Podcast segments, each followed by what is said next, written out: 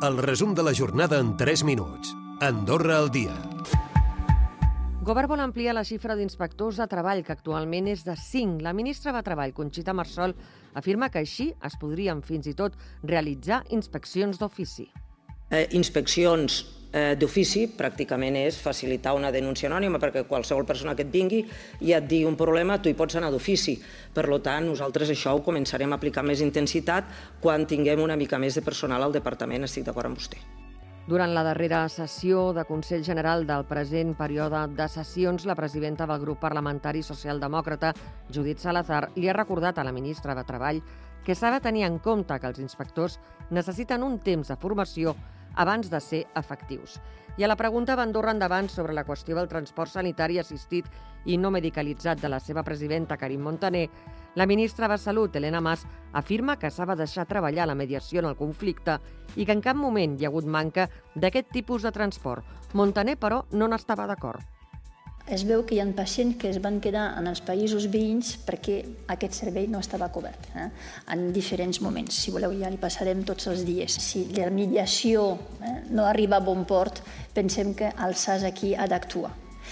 I potser ens hauríem de plantejar si absorbim aquest servei dins del SAS.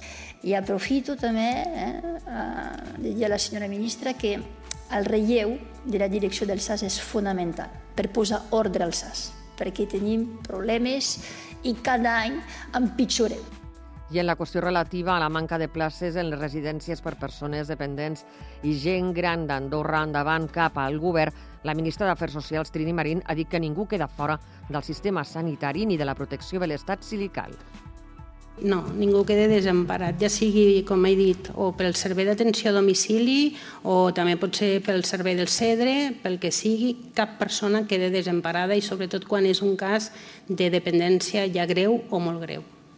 També s'ha conegut que en el que portem d'any Immigració ha rebutjat 14 sol·licituds de 5.200 que ha rebut per tenir antecedents penals. El 2020 la mateixa xifra va pujar doncs, a més que la del 2021 i arribant fins a les 60 al 2022. La gran majoria d'aquestes peticions no acceptades són de ciutadans de fora de la Unió Europea. I parlant d'habitatge, el raonador del ciutadà demana que el govern mantingui la congelació del lloguer. Continua sent la principal preocupació de la ciutadania. I França es compromet a millorar els accessos a Andorra, sobretot a l'hivern, amb la treta de neu, ho ha dit el prefecte d'Occitània durant la trobada preparatòria del setè diàleg transfronterer que es farà l'octubre a Tolosa.